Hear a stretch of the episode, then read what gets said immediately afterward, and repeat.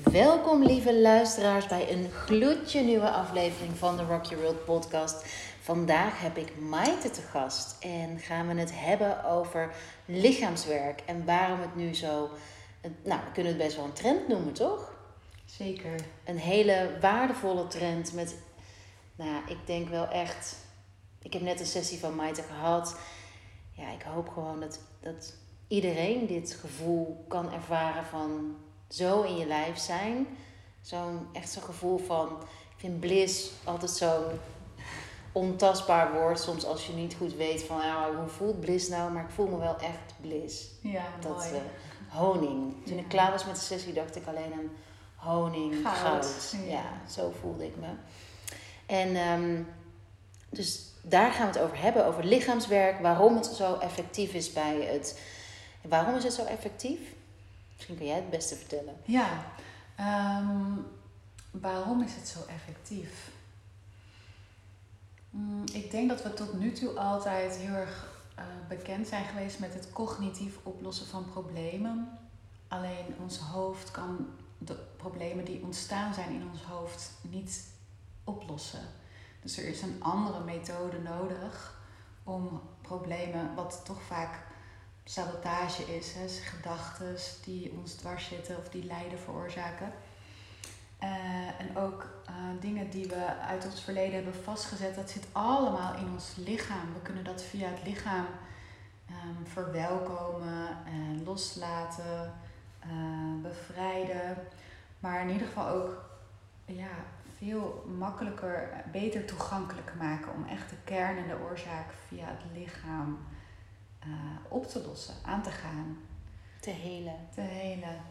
Dus lichaamswerk kan echt wat er in het lichaam opgeslagen zit aan informatie, aan schatten ook, kan lichaamswerk losmaken. Je noemde ook al, toen we beneden even zaten voor te praten, iets over dat volle potentieel. Mhm. ja. Dus lichaamswerk is één van de manieren. Om je volle potentieel te bereiken. Ja, Ja, zeker. Ja, kijk, in ons hoofd gebruiken, dus onze mind is eigenlijk een mechanisme om onze ziel, onze missie op aarde, onze hart, ons, gewoon onze verlangens, om dat handen en voeten te geven. Om gewoon te weten wat boven en onder is en links en rechts. En ons lichaam, daar voelen we de emoties en het gevoel. Dat is ons kompas. Maar wij zijn ons hoofd gaan gebruiken als ons kompas. ja. Dus het is eigenlijk, we're mistaken.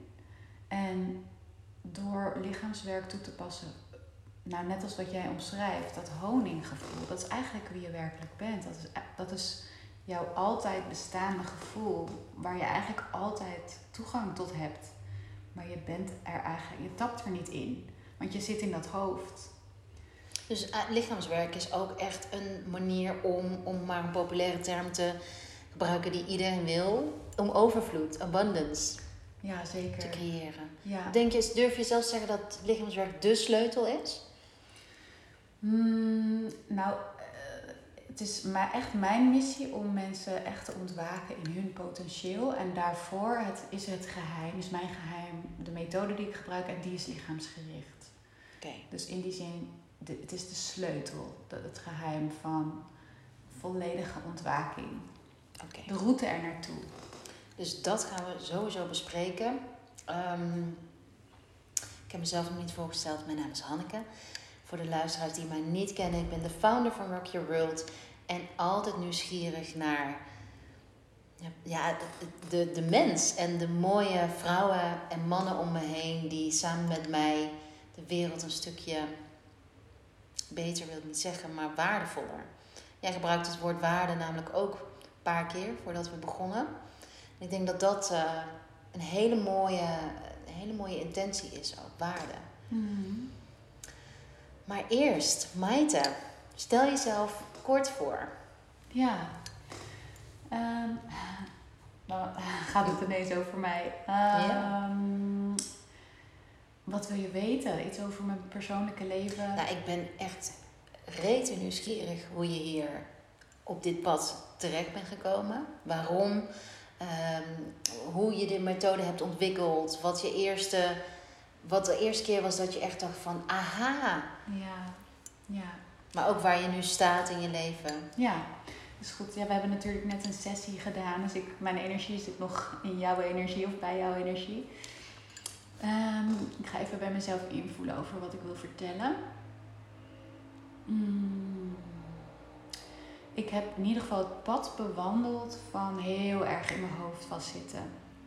Um, ik werd geboren als een hoog invoelend meisje met gaves, dus uh, helder voelen. Uh, ik had altijd, nam de pijnen over van mijn omgeving, dus echt de fysieke pijnen.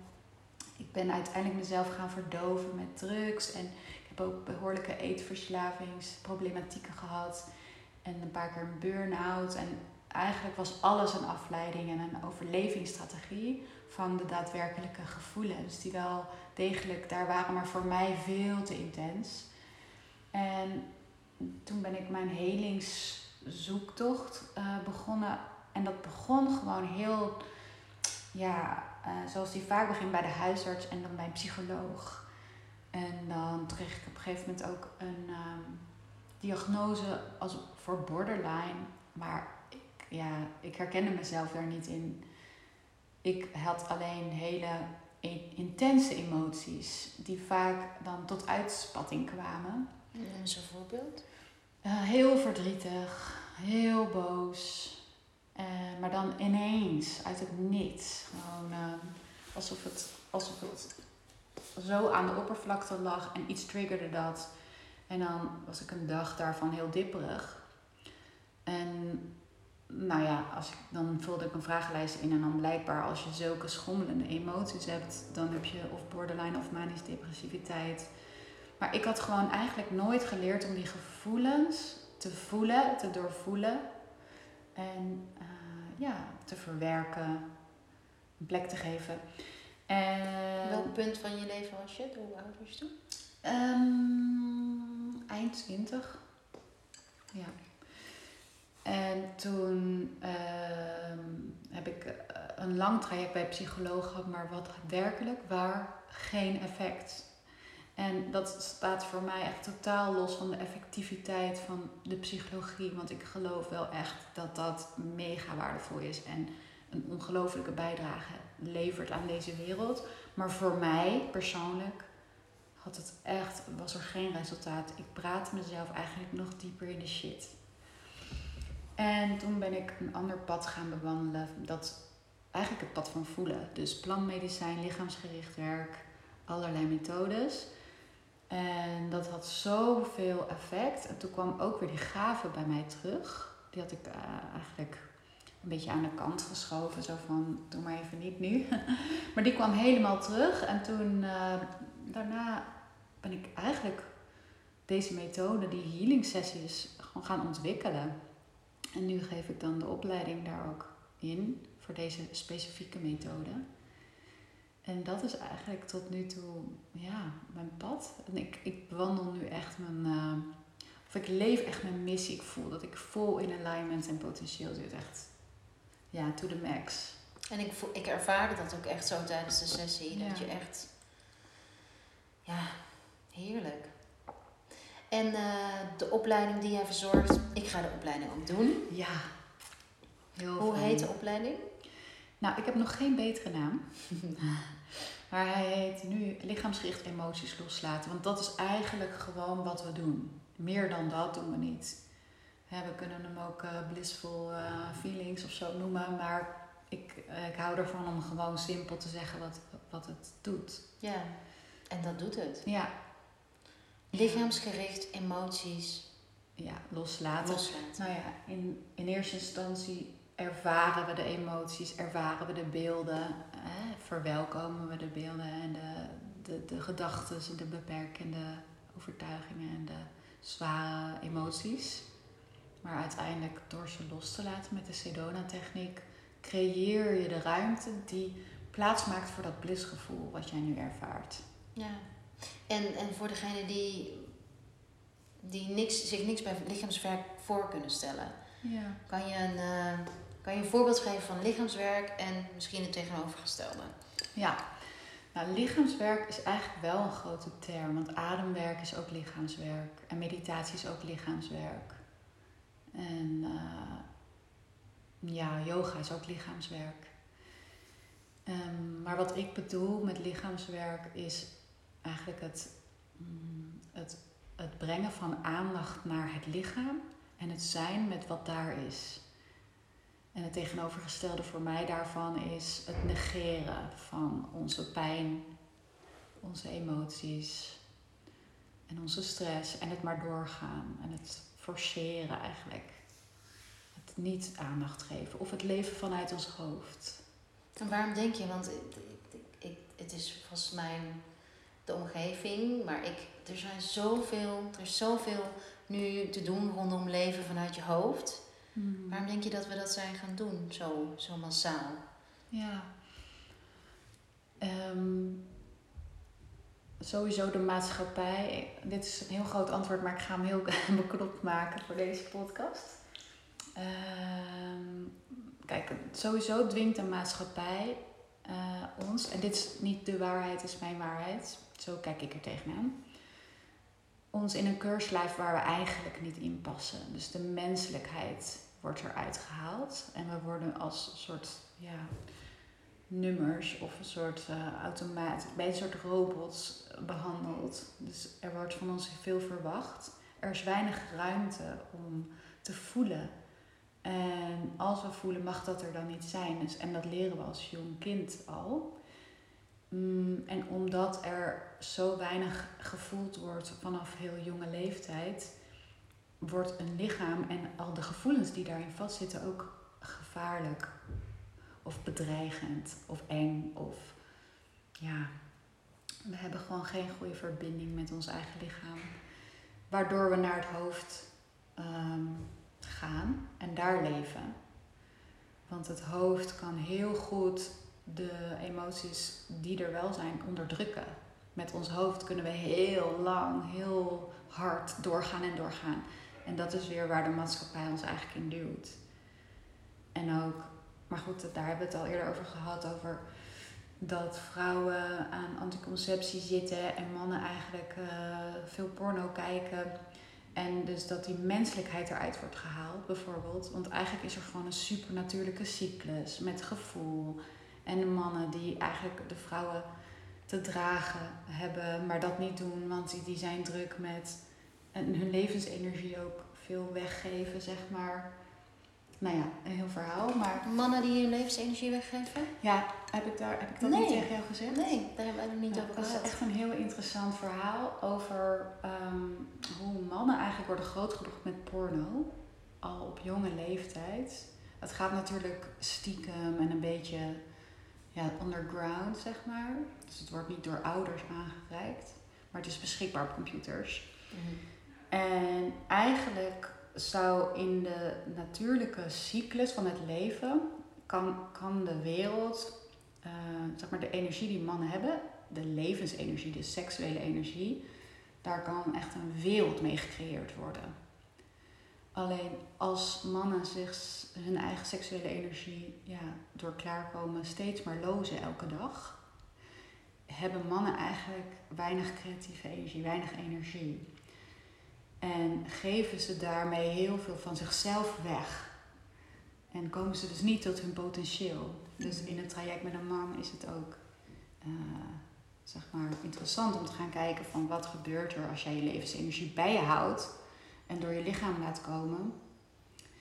Ehm, ja, en dan ehm, met vrouwen bijvoorbeeld die eh, aan de anticonceptie zijn en daardoor niet eigenlijk een hele gelijke spiegel aanmaken en aanhouden. En dus ook niet bepaalde pheromonen afscheiden, waardoor die man dan weer voelt van nu is de natuurlijke cyclus en een vrouw kan niet leven met de maan. Nou ja, dus op die manier worden mannen en vrouwen klein gehouden en, en onderdrukt. Zeg maar echt die menselijkheid. Begrijp je wat ik bedoel? Ja, de drift. De drift. De instinct. Maar dat instinct is allemaal, dat is allemaal verbonden. Het is allemaal verbonden met dus die levensenergie. Dat, en levensenergie, als dat vrijkomt, dat gaat heel erg over voelen. Veel, veel energie voelen. En ook eh, dat heel veel ruimte geven. En, en ehm, ja, En denk je, denk je dat eh, als een man weinig libido heeft of een vrouw weinig libido, dat dat ook de onderdrukking van, nee, ik zie ook, van gevoel, van, Mm. of de eh, behouden, het lichaam wat zegt van, oh, ik, heb, ik voel weinig levensenergie, dus ik hou het bij me. Denk je dat dat een verband is? Of? Mm, dat zou inderdaad wel een mooi verband zijn, maar dat weet ik niet zeker. Maar dat is wel heel logisch beredeneerd. Eh, maar ik zelf ben, ik heb eigenlijk nooit anticonceptie gebruikt. Eh, ik ben heel erg in touch met mijn levensenergie. En op de momenten dat ik geen. Dus ik ben eigenlijk ook altijd wel. eh, heb heel hoog libido, echt extreem. En eh, weten jullie dat ook weer? Ehm, maar als ik het niet heb, dan komt dat op het moment dat mijn lichaam bezig is met iets anders. Dus een ziekte verwerken, een opschoning, een cleans, een, een stressvolle periode waarin mijn lichaam gewoon druk is met iets anders. Dus dat is mijn visie op als het libido niet hoog is, dat er ergens iets blokkeert. En ook een sessie bijvoorbeeld, als straks, wat jij ook gaat doen.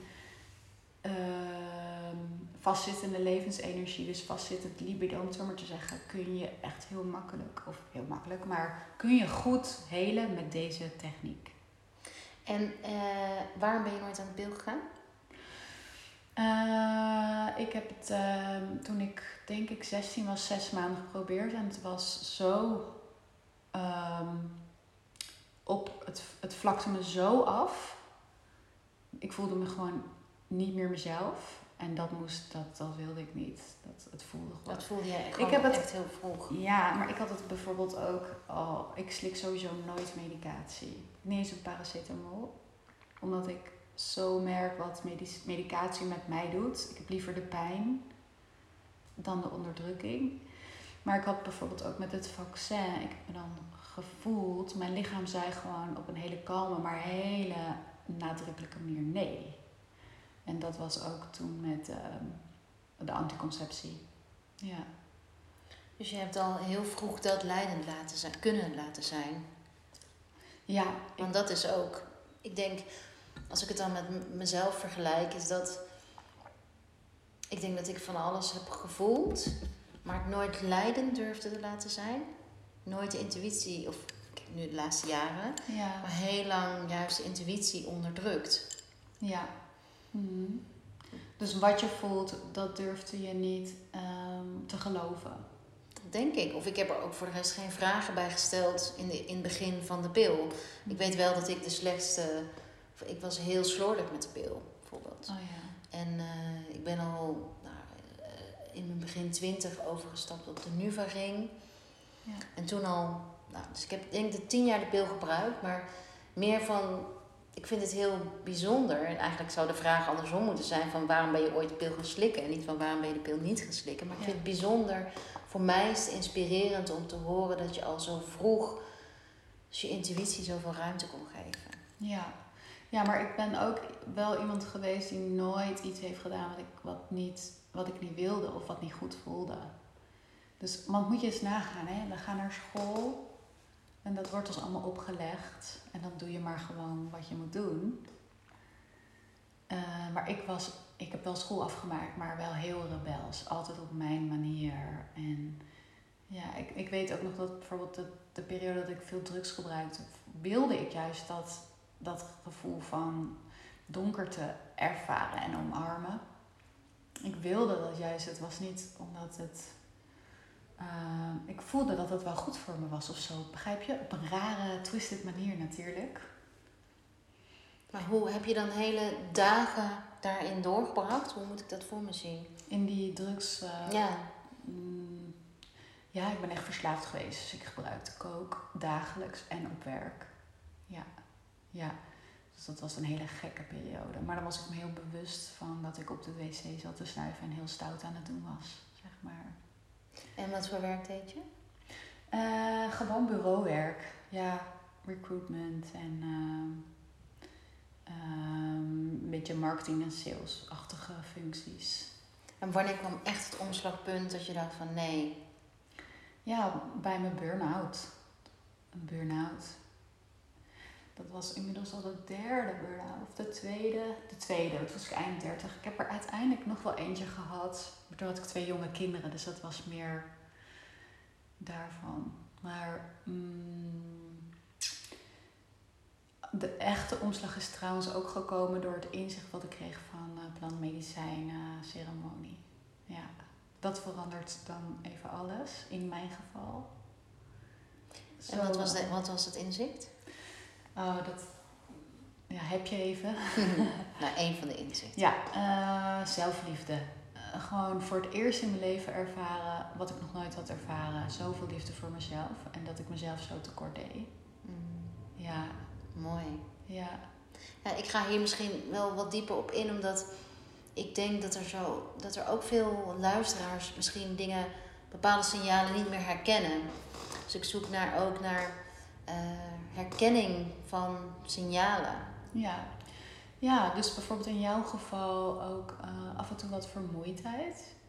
Is gewoon een signaal. Eigenlijk is alles een signaal. Dus als je eigenlijk als je leeft vanuit een soort balans en alignment, voel je je gewoon goed. Voel je je energiek en goed. En als je moe bent, ga je naar bed en dan sta je weer op en dan ben je weer oké. En als je nog steeds moe bent, dan blijf je gewoon rusten. Mhm. Maar signalen, sowieso zijn alle chronische zaken signalen. Uh, je kunt natuurlijk ook griep hebben of zoiets, maar dat zie ik ook als een bepaalde psychosomatische. Uh, ja, die heeft, die heeft ook een boodschap voor ons. En, mm, maar ook dingen die er niet goed lopen in je leven. Dus bijvoorbeeld een relatie die niet goed loopt en dat wil maar niet kan een signaal zijn voor iets wat jij te doen hebt. Dus het is een kans. Ja, zeker. De ziekte als kans. Ziekte als kans, maar ook... Um, Eigenlijk wat uh, dokter Julia, ja, klacht als kans, die hier ook in het gebouw rondloopt, die in hetzelfde gebouw werkt als jij. Het is klacht als kans. Ja, zeker. Dus de parel in de pijn, de, de treasure in, in, jouw, um, ja, in jouw struggle. Ja. Struggle is hier om te groeien. We kunnen niet leven zonder struggle. Je kan alleen maar groeien als je de, de pijn en de struggles verwerkt en doorstaat en doormaakt. Nou, en ik denk dat dat een heel, heel iets belangrijks is. Want als ik voor mezelf spreek, uh, heb ik dat heel lang uitgesteld. Ik wilde niet aan de struggle, ik wilde niet aan de pijn. En wat waren dan de signalen van jouw lichaam? Nou, heel veel vermoeidheid. Vermoeidheid is echt al iets wat bij mij nou, vanaf mijn vroeger, vanaf mijn tiende sowieso. Op veertiende kreeg ik vijver. Echt, vermoeidheid is een heel, ja, denk ik een thema. Ja. Uh, maar dan wel bijvoorbeeld de boeken kopen. Uh, ik heb al eerder in een podcast gezegd, ik had bijvoorbeeld al heel vroeg Deepak Chopra naast mijn bed liggen. Maar echt daar ook vijf jaar gelegen. Ja, ja, ja. Of, uh, of wel een, een, cursus doen, maar hem dan niet afmaken. Ja. Of, uh, ja, dus je ziel was al heel erg aan het resoneren met die vibratie. Alleen je mind zat ertussen en wilde nog even niet... Uh, die wilde helemaal nog niet helen. Nee, nog de afleiding. En dat vond ik, vind ik wel interessant nu. Um, ben, ben deze week ook helemaal into the mother wound. We hebben het daar ook al even over gehad dat daar ook een van de signalen is van als je het steeds buiten jezelf zoekt en nog naar erkenning zoekt, ehm, dat, het, dat het echt ook een vlucht is om niet dat ownership te nemen. Ja. En voor mij voelt het ook heel erg over het ownership nemen over dat je het kan helen, over dat je het kunt veranderen. Mhm. Ja, maar er is, er is niet zoiets als leven met je klachten. De klachten zijn er om jou te transformeren. Ja, maar dat is natuurlijk wel een uh, switch. switch. in mindset. In plaats van, oh, maar ik heb deze klacht, dus ik kan dit en dit niet. Nee. In plaats van, oh. Ja, en dan heb ik het natuurlijk niet over als je gehandicapt bent nee. of dat soort dingen niet. Want dat is dan meer een les. Maar bijvoorbeeld moeheid, daar heb ik een leuke eh, visie op. Okay. Voor mij is moeheid de energie van doen wat je eigenlijk niet hoort te doen. Of leven wat je, hoe je eigenlijk niet hoort te leven. Dus het is de energie van grinding. Weet je wat ik dan bedoel? Met je bak door de grind, met je bakkers door de grindbak. Ja, ja. En eigenlijk mm, forceren om het leven te leiden wat je hebt. vanuit energie. Want ik heb vroeger ook heel veel moeheid gehad. Ik was tot mijn 18 of zo altijd moe, moe, moe, moe, moe. En daarom ben ik eigenlijk ook drugs gaan gebruiken om gewoon ja, daar bovenop te komen. En toen heb ik ook heel lang gezegd, ik ben, ik ben moe. Ja, ja. Ik ben een persoon die altijd moe is. Nou, sowieso met de wet van aantrekking is dat dan best wel heftig voor je energie, want dan hou je hem ook vast. Maar sinds ik mijn potentieel leef, ben ik nooit meer moe. Ik, ik bedoel, ik heb zoveel energie, dus het klopt niet, zeg maar. Het is de energie van frictie hebben met het leven.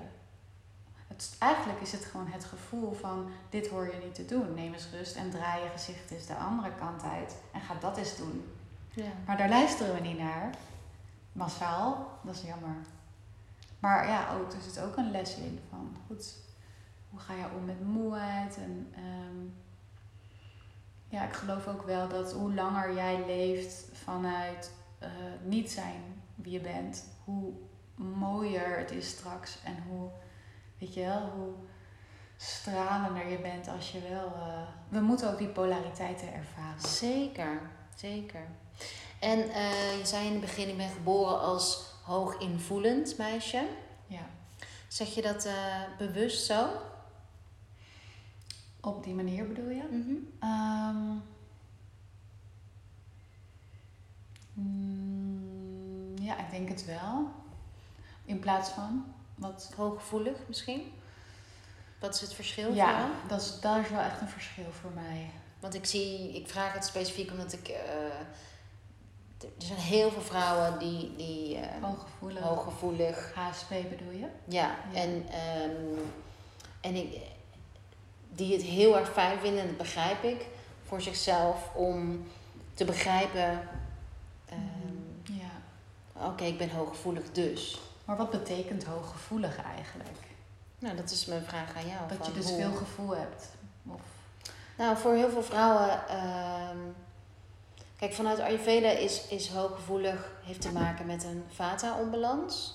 Dus je Hmm. zenuwstelsel die open staat en Ja. eh, meer wind en ether en minder water en aarde. Dus je Ja. beschermlaag is meer weg. ja, Dus Ayurveda ziet het niet als oorzaak, nee. eh, maar als ge- gevolg. Het is Ja. niet van je wordt hooggevoelig geboren. Nee, daarom, daarom. Je En- wordt niet hooggevoelig Precies, geboren. dus daarom stel ik de vraag zo aan je van... Ja, Je kunt hoog invoelend, Ja. hoog... Nou ja, ik herken heel erg in wat je zei van eh, anderen voelen, helder voelend. Eh, iemand heeft mij ook een keer tegen mij gezegd dat ik... eh, hoe noem je dat? Bipolair? Nee, bipolair niet. Die andere die jij noemde, borderline. borderline, ja. Gevraagd. Oké. Ja. Omdat ik ook heel erg dat herkende van ineens dit voelen. ja. Ineens dat. Maar als je dus die, dat manisch-depressieve trekje hebt, dan, dan heb jij het geluk om hele intens gelukkige gevoelens te kunnen ervaren. Zeker. En, maar er is altijd polariteit. Dus als je hele gelukkige, intense gevoelens ervaart, ervaar je ook de polariteit. En dat zijn hele hè, zware gevoelens. Ja. En dat is gewoon hoe het is op aarde. Er is polariteit. Alleen mensen vinden dat dan ineens weer gek. Of het is niet normaal. Of het is dit of dat. Er wordt een, een, een plakkaatje opgeplakt. En ehm, dan, dan vinden ze er gelijk wat van. Terwijl ik denk, blessed, bless you. Dat jij zo lekker kan voelen in, het, in de diepte en in de hoogte. Dat is heerlijk. Denk je dat dat er ook. eh, ik ervaar dat dan, en dat zie ik ook op de vrouwen om me heen, op het moment dat je ook stopt met de pil. Nou, dat, dat is misschien voor jou niet. Nou, maar dan voel je die hoogtes en die dieptes Ja. ook veel meer. Ja. En dat is hoe we meant to be eh, zijn, weet je wel? Dus dat wil je niet onderdrukken. Jij wil niet onderdrukken hoe je hoe you're meant to be. En, eh, want ik weet niet wat, wat manisch depressief precies betekent. Maar wat betekent Manisch is, eh, dus manisch is het gevoel dat je alles kan, dat je de hele wereld aan kan. En dan Ah. depressief is de, de polariteit, dus de dip. Oké. Maar, ja. Dus de manisch is het. Is het, is het Oké. Geen balans erin. Of, of juist. Het is eigenlijk hetzelfde. al- mm, Ja, manisch depressief is dit, zeg maar de, de hele erg pieken en dalen. Mhm.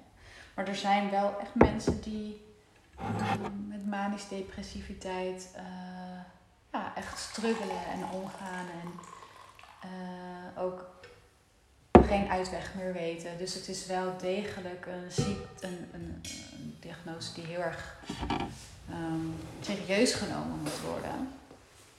Alleen in, in mijn geval en in jouw geval is, denk ik dat wij gewoon hele hoog. Ja, ik vind hooggevoelig een lastig woord, omdat ik geloof dat iedereen eigenlijk in eerste instantie wel veel gevoelens heeft. En hooggevoelig heeft voor mij een negatieve Ja, voor mij ook. eh, connectatie, omdat het, het, het maakt mm, alsof, je, alsof het de controle over jou heeft en jij de controle niet hebt. Terwijl daar geloof ik niet in, je hebt altijd de controle. En lichaamswerk kan je heel erg daarbij helpen ook. Ja, door lichaamswerk te doen ga je in de energie heel erg jouw grenzen voelen. En eigenlijk gaat het bij hooggevoelige mensen gewoon om hun grenzen. Het zijn vaak mensen die pleasen, please gedrag hebben. Nou, dat gaat dan weer over validatie, nodig hebben, liefde krijgen door te helpen bijvoorbeeld. En dus in die zin heel erg overprikkeld raken, want dat gebeurt er gewoon. Als je eh, iedereen helpt behalve jezelf, dan raakt je energiebalans uit balans. Ja. En dan krijg je ook dat vata, eh, wat jij net zei, Ja. die disbalans. En lichaamswerk helpt om je zenuwstelsel in balans te brengen, grenzen aan, aan te voelen. En dus ook jezelf meer ja, boundaries, zeg maar in de energie, meer body te geven. Zodat jij vanuit jezelf kan gaan leven en kunt voelen, als ik dit doe, dan ga ik over mijn eigen grenzen heen en dan loop ik leeg. En dan word ik overprikkeld. En dat is voor mij hooggevoelig. Ja, ja en eh, wat daarin volgens mij ook heel belangrijk is, ehm, is eh, op het moment dat je in je lichaam kan zijn, ben je in het hier en nu. Ja. En eh, dat is natuurlijk waar je de grens voelt. Je voelt de grens niet in je hoofd. Nee. Dus dat is eh, op het moment dat je dus alleen maar in je hoofd leeft en niet in je, je lijf niet bewoont, Ja. ben je er dus ook niet volledig. Nee, En- En ben je dus ook gevoeliger voor prikkels. Mhm. Zeker, zeker. Ja. Eigenlijk kun je het zo zien dat als er niemand thuis is in je lijf, kan iedereen eh, naar binnen komen. Ja, Ja. En de techniek, ehm, de opleiding die ik ga doen, die start in augustus al. Eind augustus, ja. Eind augustus, daar heb je nog plekken voor. Ja, Dus, klopt. dus vrouwen, Ik mannen. heb nu nog drie plekken vrij. Spannend. Ik heb er echt super veel zin in. Maar hoe ziet het eruit? Hoe ziet het, dit zijn vier dagen. Ja. Wat gaan we leren? Nou, je leert eigenlijk echt de basistechnieken.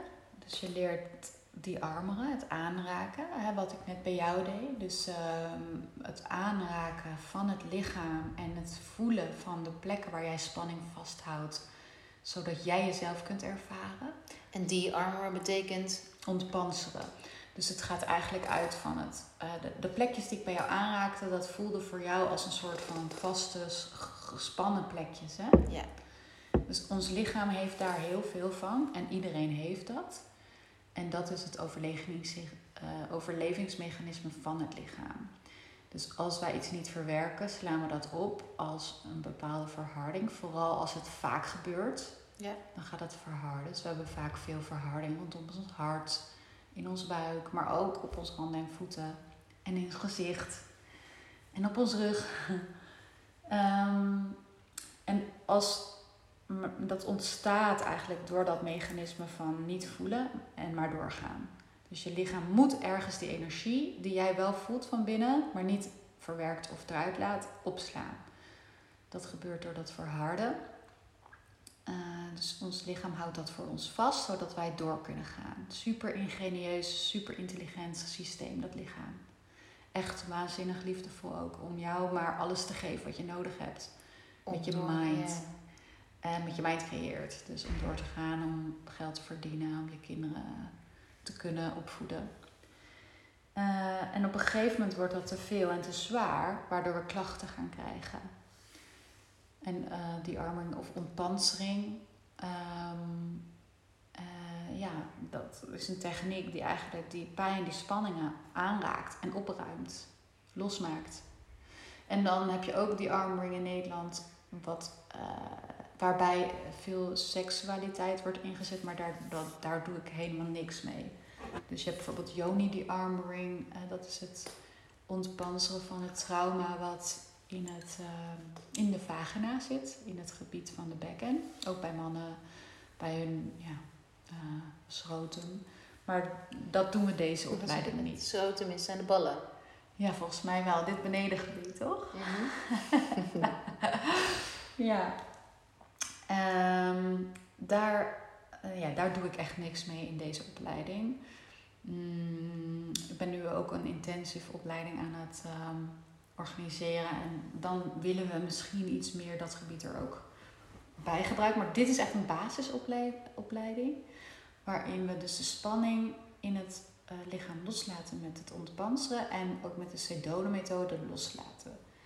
Uh, maar ook heel erg verwelkomen en verwerken. Dat, dat is wel echt een heel groot uh, onderdeel ervan. Want je kan niet zomaar alles loslaten. Je moet echt eerst voelen, integreren, het inzicht tot je nemen. Net als wat jij net had. Ja, misschien wil je er wat over vertellen. Ja. Nou, ik, ja, je ging dus aan mijn lijf, op mijn lijf, als, als een massage. Dus ik deed mijn kleren uit. Um, drukte je intuïtief op een aantal punten. En daardoor kwamen er bij mij beelden omhoog. Beelden van situaties, niet alleen van mezelf, maar ook uh, van anderen, van, van familie. En daardoor kon ik eigenlijk voelen wat dat deed in mijn energieveld. Dus die, dat beeld ja, gaf mij een bepaalde energie. Uh, we hebben het in woorden daarover gehad. Ik denk dat dat ook een hele belangrijke stap is om energie los te laten. Mm -hmm. Om het in woorden uit te spreken. Mm -hmm. um, ja, en ik kon. Je vraagt dan ook naar. Eigenlijk formuleer je het zo dat ik het zie dat het een blokkade is. Mm -hmm. Of een overtuiging. Die, die me eigenlijk meer aan de grond houdt. Of misschien niet de vooruitgang geeft, de potentie biedt, die benut van mezelf, die ik eigenlijk zou kunnen benutten omdat er een overtuiging zit. Ja. Daar, geef je, daar geef je begeleiding in. Mm. Je geeft begeleiding in dat ik zie, oh ja, ik denk onbewust dat ik um, niet, nou in mijn geval zweven of er.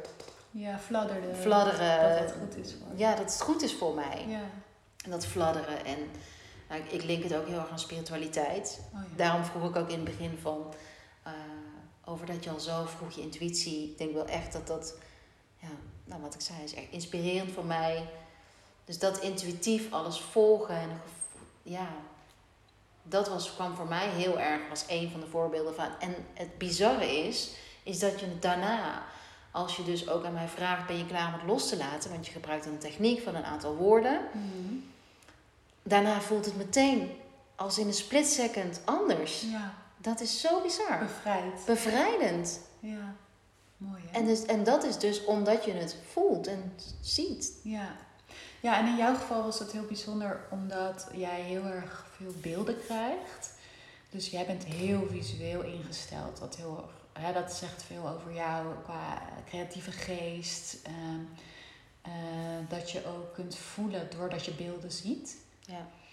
En heel veel mensen uh, zijn niet per se visueel ingesteld, maar heel erg uh, echt alleen maar op voelen. Dus uh, die voelen dan de pijn eigenlijk die ik aanraak, of de, ja, de, de spanning in het lijf. En als je al, alleen al fysiek die spanning loslaat, met dezelfde techniek en methode, ontstaat ook diezelfde ruimte. Dus het maakt helemaal niks uit of jij nou... niet beelden ziet. Nee, of je nou wel of niet weet waar dit plekje aan gelinkt is voor jou maakt het wel uit, want jij zou niet alleen kunnen voelen en het dan kunnen verwerken.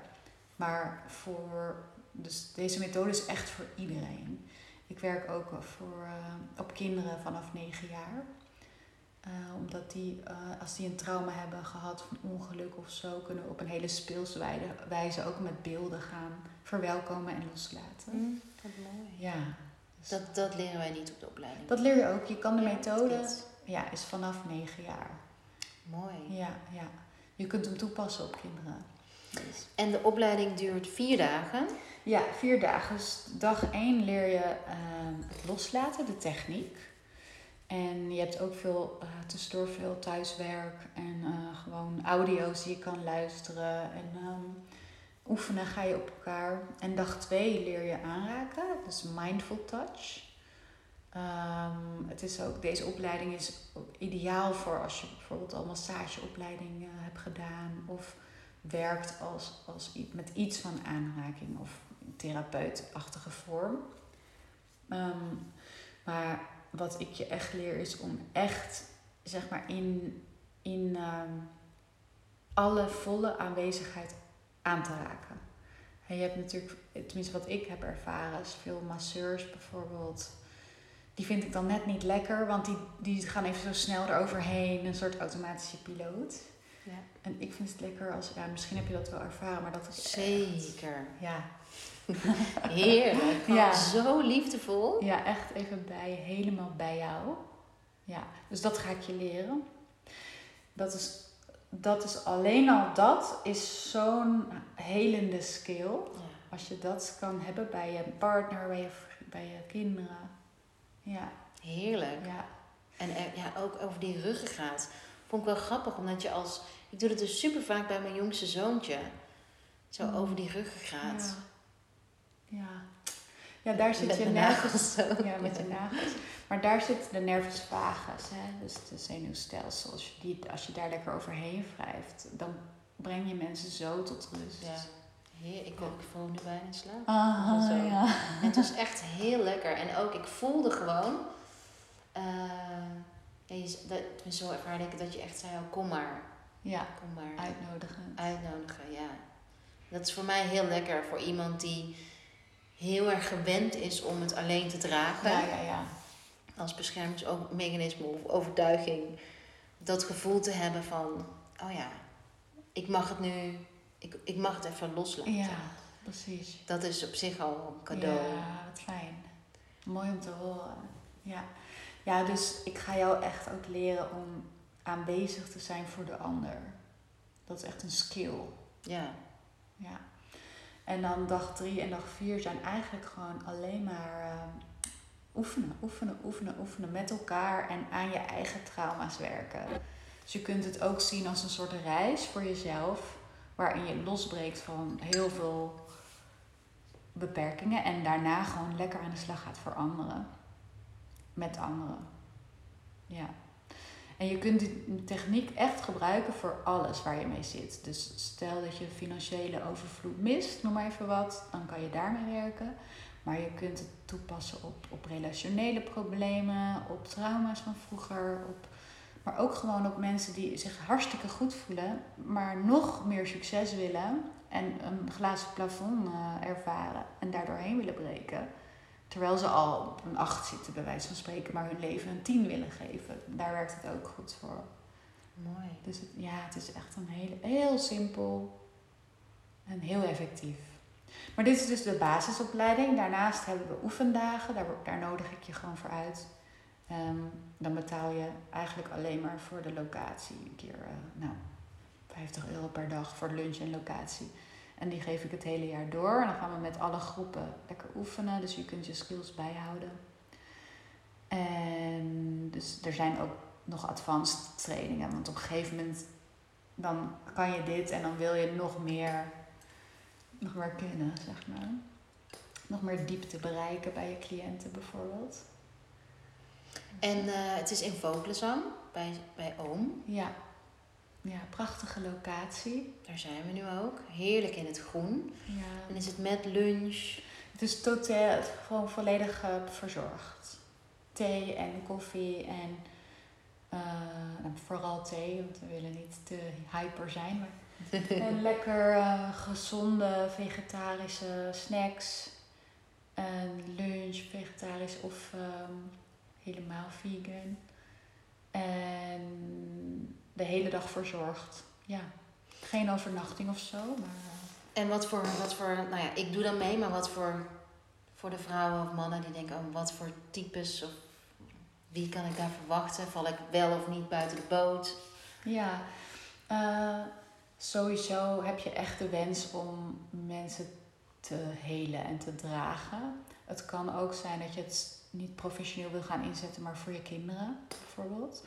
Maar het is wel fijn als je enige kennis hebt of ervaring met uh, aanraken of met mensen zijn, met mensen praten. Um, het, het is namelijk een hele grote stap als je niet bent gewend bent om überhaupt iets te voelen. Dus mensen die echt helemaal in hun hoofd zitten en gestrest zijn bijvoorbeeld en niet kunnen ontspannen, dat, dat, daar is het geen goede opleiding voor. Die zou ik dan aanraden om eerst zelf meer in hun eigen lichaam te komen. Want dit gaat natuurlijk over dat jij wel mensen iets gaat geven.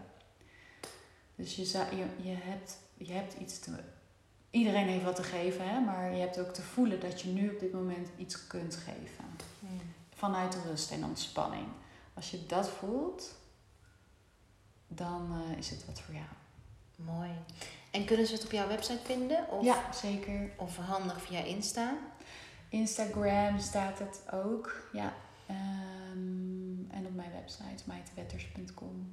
Jouw website is maitewetters.com. Ik zal de link ook hieronder zetten. En je Insta is? Uh, maite.transformatiecoach. Ja. Nou, ik kijk er echt super naar uit. Echt heel fijn. En wat zou jij willen leren? En wat ga jij daarna ermee doen? Ja, ik heb nu het idee um, om om echt sessies te geven, trajecten. Ja. Ik wil het ook echt. Ja, ik wil, ik wil graag wat langer. Nu geef ik veel in één sessies en soms ook wel trajecten van drie. Dus ik ben nu vooral die astrologie en Ayurveda mee bezig. Ja. Um, en ook vanaf, vanuit Ayurveda zijn er ook drukpunten en aanraking. Maar ik wil wel echt. En wat ik heel cool vind aan deze techniek, hij is heel bold. Ja. Het is, het is, het is ja, je kunt er niet meer omheen. Je kunt jezelf niet meer afleiden. Toch? Dat is mijn ervaring. Nee, Bijna niet. Door dat gevoel van, van dat puntje. Of van dat, ja, toch? dus waar Ayurveda bijvoorbeeld heel zacht, wat, wat zachter, ja, ja. Eh, druk jij gewoon heel hard. Bij, mijn, bij mijn voeten was het wel echt uh, even van nou. Um, dus ik vind dat heel mooi om in een traject op te nemen. Hoe en wat weet ik nog niet. Maar ik heb wel deel het gevoel wat jij ook zei van ik wil mijn energie wat bij een langere tijd bij iemand hebben. Ja. En ik denk dat dit een geweldig onderdeel is om vanuit daar, bijvoorbeeld, tuurlijk met Ayurveda, ik kan, ik kan je op een briefje geven van joh, uh, eet dit of eet dat. Of let hier een tijdje op, sta vroeger op om dat bioritme te herstellen. Of eet even wat minder knoflook als je moeite hebt met slapen. Maar wat ik het liefst heb natuurlijk, is dat je volgens je eigen natuur leert voelen. Hmm. En dat is soms wel een hele grote brug tussen niet voelen en wel voelen wat goed voor je is. Ja. En ik denk dat deze techniek mijn cliënten heel erg kan gaan helpen om dat stukje over zichzelf meer te ownen. Ja. En die zelfliefde echt te gaan. Want dan wordt alles wat je doet meer vanuit zelfliefde in plaats van, oh, ik moet het zo doen anders. Ja. Zo heb ik het heel lang gedaan. Ja. En dan raak je heel rigide of heel. Uh, als, als, als je iets niet doet waarvan jij denkt dat het zo moet, ja, dan ga je weer in, die, weer, ga je in de schuld, in de schaamte. Wat is er mis met mij? En ik denk dat deze methode heel erg kan helpen. Ja, om dat allemaal los te laten. Om dat los te laten en gewoon ja te zeggen tegen wie je bent. Ja, zeker. En ook mooi wat, ik, wat, wat jij noemt van money blocks of, um, ja. of je beperkende overtuiging rondom geld, relatie. Ja. Het lijkt me te gek om dat daar ook mee te werken. Ja. Ja, zeker. En um, nog een laatste voor degene die, uh, die nu. Nee, wat voor tip kan, wat kan iedereen vandaag nog. Waar kan iedereen vandaag nog mee starten? Als je het Om meer over... in het lijf te komen? Ja. Mm. Ja. Um, nou, sowieso ben ik echt een heel erg fan van ademhalen.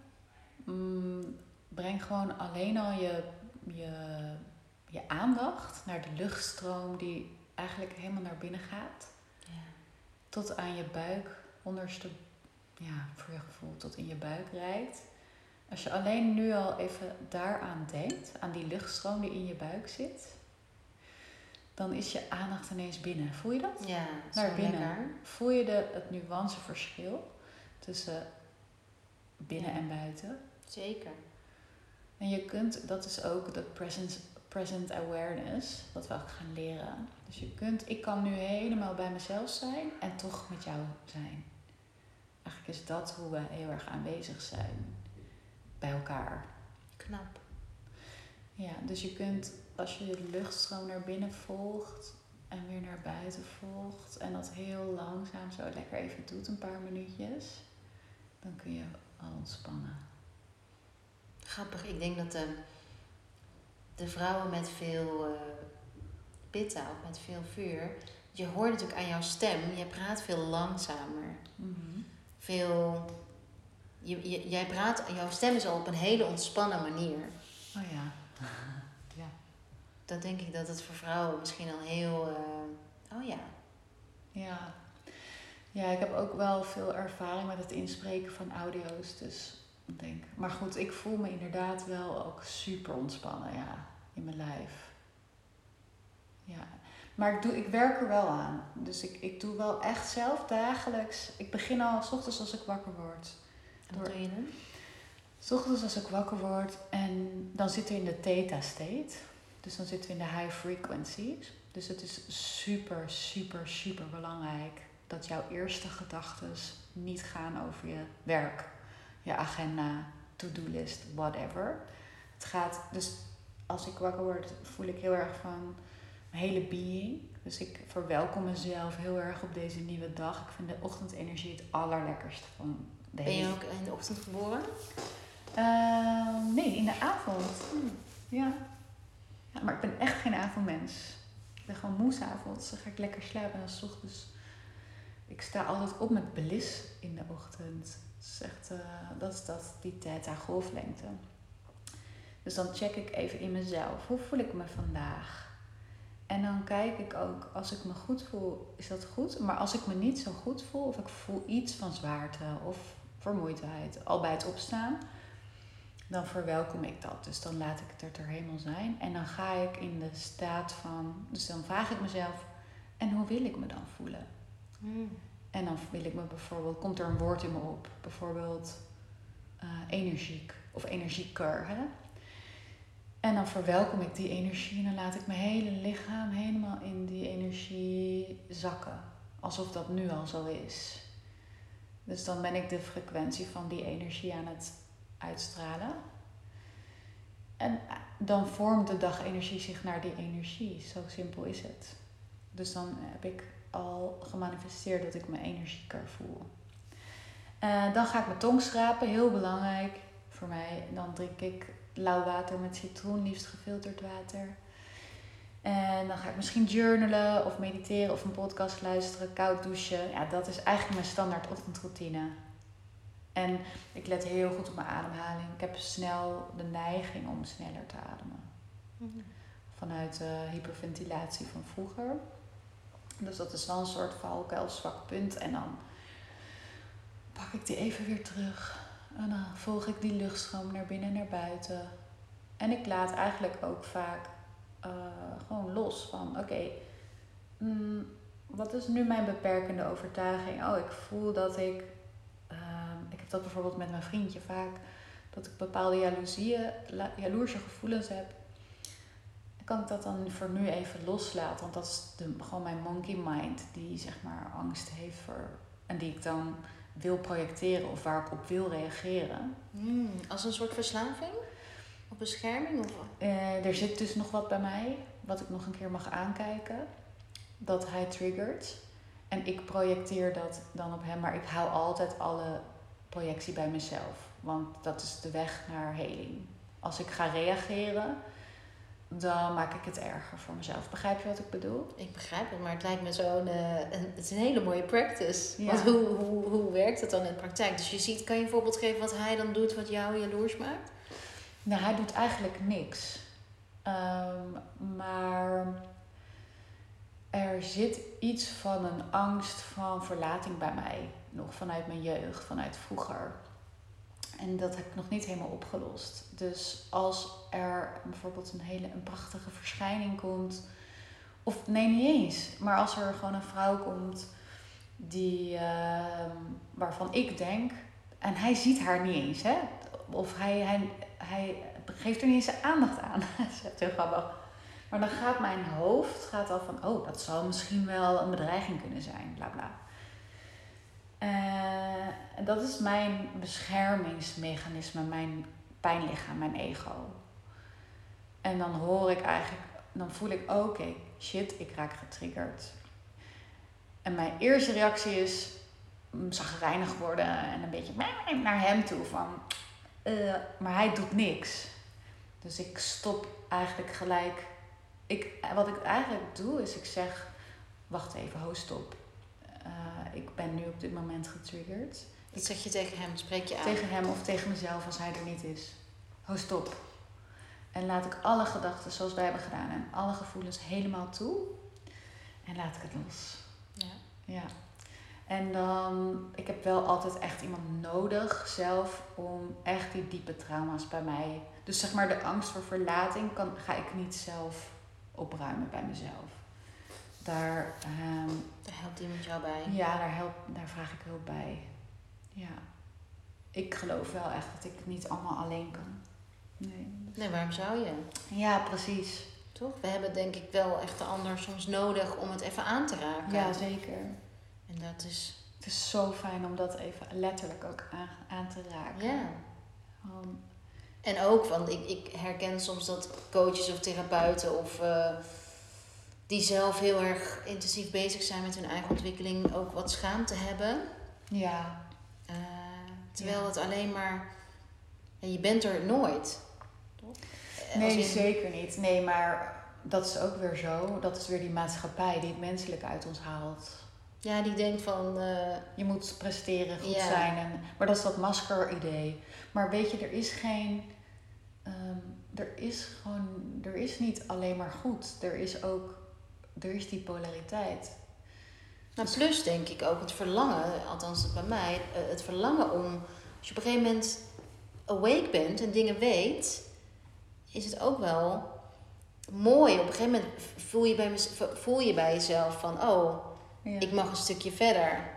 En dat is echt in fases. Ik had nooit kunnen bedenken. Ik dacht echt acht jaar geleden, toen ik mijn eerste aha-momenten had, van, oh, en ik had echt nooit kunnen bedenken, acht jaar later, dat er nog, oh, ja. dit allemaal nog, nog meer te ontdekken viel over mezelf. En nee, maar over, het is, nee, het is echt nooit klaar. Familielijnen. Maar als jij uh, jezelf opruimt, kan je je familie gaan opruimen. En dan kan je hun familie en uh, je voorouders en de collectief. Uiteindelijk, weet je, dus in die zin stopt het nooit. Misschien stopt het wel bij jouzelf, de grootste thema's. Maar dan ga je dus collectief helpen. En dat voelt ook wel, de familielijn, en voelt ook alsof ik de sessie net, die ik met jou heb gehad. Ja, dat dat aan bod kwam. Ja. Super mooi. Ja. En uh, oké, dus je hebt een, een lekkere ochtendroutine. Uh, ja, wat ik nog wilde zeggen trouwens. Coaches die niet. Ik zelf werk echt 50% van mijn tijd aan mezelf. Ja. En 50% aan mijn cliënten. En personen die zeggen ik, hè, ik voel me altijd goed, ik heb nooit wat of zo. Die zou ik die bij wijze van spreken niet vertrouwen of zoiets. Er is gewoon altijd wat jij zelf opruimt, ruim je ook voor de ander op. En je hou jezelf leeg, hou jezelf. Je pretendeer niet. We zijn menselijk. Zeker. Iedereen heeft zijn dingen. En zijn trauma's en zijn historie en alles. En ja, we kunnen ook niet iemand op een voetstuk plaatsen daarin. Nee. Of een goeroe of... Uh dat is ook denk ik heel erg buiten. Ja, zeker. En wat ik vertelde van, nou, ik ga deze zomer even uh, rust nemen en uh, gewoon uh, geen klanten meer in, in plannen in augustus. Omdat ik gewoon zelf even de balans kwijt was van heel veel cliënten behandelen. En nu dus gewoon daar echt wel de backlash van heb. Van een lichaam wat wel moe is. En dus ik heb weer werk te doen. En dat ga ik doen. Ik ga mezelf niet leeg putten, zeg maar. Maar zo ervaar ik dat exact. Ja. Ik heb ook nu een hele lege agenda voor de komende twee maanden. En ook heel erg de behoefte om bij mijn familie te zijn en echt me terug te trekken. Ja, mooi, ja. En echt daar naar luisteren. Zo Ja. een blessing ook. Ja. En hoe doe jij, want dat vind ik ook wel mooi, de, de theta-staat die je benoemt. En ik voel dat ook heel erg. Maar soms heb ik dagen dat ik voel van, oh, ik wil, ik wil al iets delen op Insta. Wat is het moment waarop jij je Insta pakt? Terwijl je het niet voelt, bedoel je? Nee, nee, terwijl ik het voel. Dus soms- word ik eh, wakker en dan eh, probeer ik zo lang mogelijk mijn telefoon nog weg te houden van Ja. mezelf. Dus vanochtend heb ik bijvoorbeeld een leveroefening gedaan, een half uur in bed. Ehm, toen ging ik mijn eh, citroenwater drinken. En toen wilde ik iets, ooit ging ik ook journalen, maar toen wilde ik even iets opzoeken. En ehm, toen bedacht ik me, oh, maar ik wil dit graag nu delen op Insta. Ja. Maar ik merk wel, dan het altijd even iets delen op Insta is eigenlijk altijd wel een half uur. ja. Bij mij althans. Mhm. Dus, maar eigenlijk, mijn, in mijn oordeel zit heel erg van, oh, ik wil eigenlijk pas om 10 uur of om 11 uur mijn telefoon erbij pakken. Ja. Hoe doe jij dat? Of hoe voel jij dat? Ja. Nou, sowieso dat, dat hoofdstuk wat jij hebt, dat oordeel, zeg maar, dat helpt jou niet. Nee. Want dat verzwaart eigenlijk de hele situatie. Het gaat erom dat jij gaat ervaren dat wat jij doet in het moment, of dat goed voelt of niet goed. Dus als jij een impuls krijgt om je. Zo doe ik het, hè? Dus ik zeg even het voorbeeld. Ja. Als, stel dat ik krijg een sterke impuls om iets te delen. Ik pak mijn telefoon en het voelt nog steeds goed. Ik ehm, post wat, het voelt nog steeds goed. Ik heb ook wel eens, en dan heb ik de ervaring van, nou, dit was goed. En dan leg ik hem weer weg en ga ik weer door. Dit voelt goed, heeft totaal geen energie gekost, heeft niks gekost. Ik had geen gedachten erover, ik heb me niks opgelegd, ik was niet streng voor mezelf. Eh, dit is eigenlijk ook een energie waarvanuit je manifesteert en aantrekt. Want als jij vanuit een, een kut-energie, of sorry, een eh, vervelende, een negatieve energie post, zul je ook niks daarmee bewerkstelligen in de energie. Dat is ook met geld aantrekken. Als jij altijd denkt, ik heb tekort, zul je nooit meer aantrekken. Je zult altijd tekort aantrekken, bijvoorbeeld. En ehm, als ik heb ook wel eens dat als ik mijn telefoon pak, eh, dan voel ik ineens eh, in mijn lijf. Nee. Toch maar niet. En dan leg ik hem gelijk weer weg. Dat is hoe ik leef. Ik voel, doe alleen maar wat goed voelt. Dus je doet ook niks met strategieën of inplannen. Nee, eigenlijk het enige wat ik doe is, maar dat, daar hadden we het over van human design, dat past bij mijn human design. Ehm, ik zet het gevoel neer, een aantal keer per maand bijvoorbeeld, over wat ik wil creëren. Dus In een post of, of in, voor jezelf. Voor mezelf. Dus, eh, In een boekje. Mm, meestal, ja, ik schrijf het op. En dan, maar het zijn woorden die ik opschrijf. Maar, in, zeg maar bij mij past het om het gevoel, net als manifesteren, de frequentie van de, van de strategie of hetgeen wat ik wil bereiken, te voelen. Dus bijvoorbeeld, ik wil ehm, drie nieuwe cliënten aantrekken. Hoe voelt het als ik die nu al heb? Nou, dat voelt gewoon, dan voel ik een blij gevoel in mijn buik. En dat hou ik dan een minuut lang vast om te manifesteren. En laat ik het helemaal los. Ik heb het misschien ergens op een post-it geplakt. Maar dat kan je natuurlijk ook met strategie doen. Dus de strategie is bijvoorbeeld... eh, we hebben ehm, zoveel nieuwe producten te verkopen. Dit is dan ons bereik. Zetten we dat neer. Hoe voelt het nu omdat dat zo zou zijn? En dan krijg je inspired action door van het universum. Dus je voelt gewoon de hele tijd, oké, dus wat heb ik nu te doen? En dan voelt dat goed. Ja, dan heb ik dat te doen. Voelt het niet goed, dan doe ik het niet. Dus als jij dingen doet vanuit je hoofd die niet goed voelen, ben je niet, zit je niet in je alignment. En dus niet in je flow. En dus creëer je niet wat je wil creëren. Mhm. En, en, en super interessant dit. En denk je van, eh, ik ga dus soms ook, ik denk namelijk soms bij mezelf, maar dat zeg ik ook natuurlijk, ik denk, ehm, ik, ik fiets, als ik fiets bijvoorbeeld heb ik een verhaal. Eh, niet altijd hoor, maar vaak is het als ik fiets of als ik onder douche sta en denk, oh ja, dit verhaal wil ik graag vertellen. Ja. En eh, daar ga ik soms ook wel eens mee slapen. En dan word, kan ik er ook soms, soms mee wakker wo- worden en dan wil ik dat verhaal in een post Mhm. zetten. Ja. Ehm, maar ik vroeg me ook wel eens af, is dat dat ik in verhalen denk, of, of vaak, vaak ook denk van, oh, dit wil ik graag delen. Heb ik me wel eens afgevraagd, is dat een overlevingsstrategie voor mij? Is dat, is dat, ben ik verslaafd aan het verhaal bedenken? Mhm, Ja, ik snap hem. Ja, dat, kunnen, dat zouden we alleen maar kunnen ondervinden even in een loslaatsessie. Ik heb daar wel wat oefeningen voor om dat te achterhalen. Dus is het echt gefundeerd vanuit Ja, waarde of vanuit tekort? ja daar, ben ik wel, daar ben ik zelf wel eens nieuwsgierig naar van. Kijk, ik heb altijd geweten dat ik, eh, tenminste vanaf vroeg, heb ik verhalen gedeeld. Ja. Dus, eh, ik las dat ook van de opera laatst. Over dat opera al interviewtechniek aan het oefenen was vroeger. En eh, nou, ik herken dat heel erg met vroeger dat ik bandjes aan het opnemen was. En eh, aan het filmen was. En een tijdschrift heb gemaakt. Ja. Dus heel erg bezig was ook met eh, content maken. En dus voor mij was het ook nooit een vraag van... Wanneer ga ik een boek... ik ga een boek schrijven. Dat was voor mij altijd heel helder. Ja. Het was niet een vraag die ik had. Het was gewoon dat, dat ga ik gewoon doen. Ja. Ja. Dus het is gewoon... Maar dat, daar kunnen wij een sessie op doen. Nou, en zeker het, het laatste wat ik daar nog over wil zeggen is... als je hem voelt dat je hem wilt delen, doe het dan op dat moment. Ja, En hou hem niet vast. Maak een video van jezelf. Ga kletsen. Gooi het verhaal eruit. Sla hem op. En ga door. Dus Ja. ga er niet mee slapen. Het, het is, er is niet voor niks nu ehm, het moment dat je hem ontvangt, het verhaal. ja mooi. Ja. Ja, want het- ik merk ook soms... Het, voor mij is het dat je ook... Je bent best lang bezig met een post. Ja. stories maken.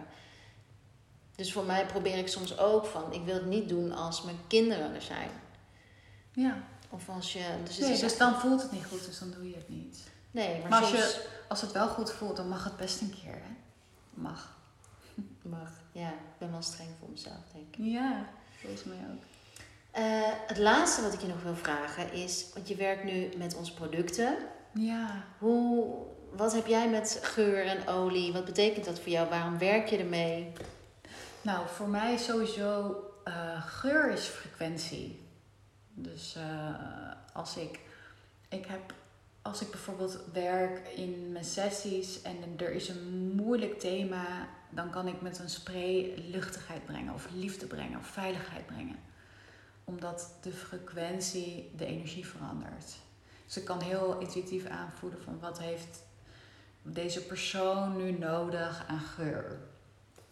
Sowieso, in mijn human, human design staat ook dat mijn sens is geur. De sterkste sens. Jij bent een? Generator. 4.6. En ehm, ehm, sowieso, ja, ik denk dat vooral ook jullie producten, daar zitten zoveel fijne ingrediënten in die zoveel ook raken van, van eh, het gevoel van liefde en self-care. En dus, dus alleen al de setting die je ermee ehm, bekrachtigt, dat, is, ja, dat, zijn wel, dat zijn redenen waarvoor ik het gebruik.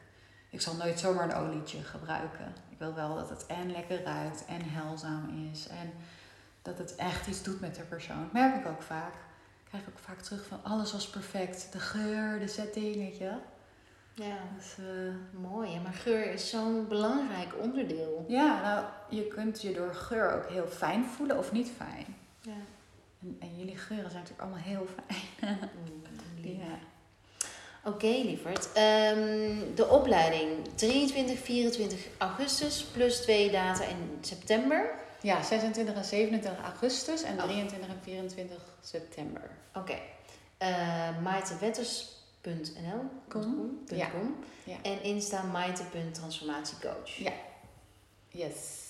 En alle links zal ik ook hieronder brengen. Ja, super lief. En dan... Fijn. ehm, Yeah, Ja. dankjewel. Heel graag gedaan en jij bedankt. gedaan. Dankjewel. Dankjewel, lieve luisteraars. Tot de volgende.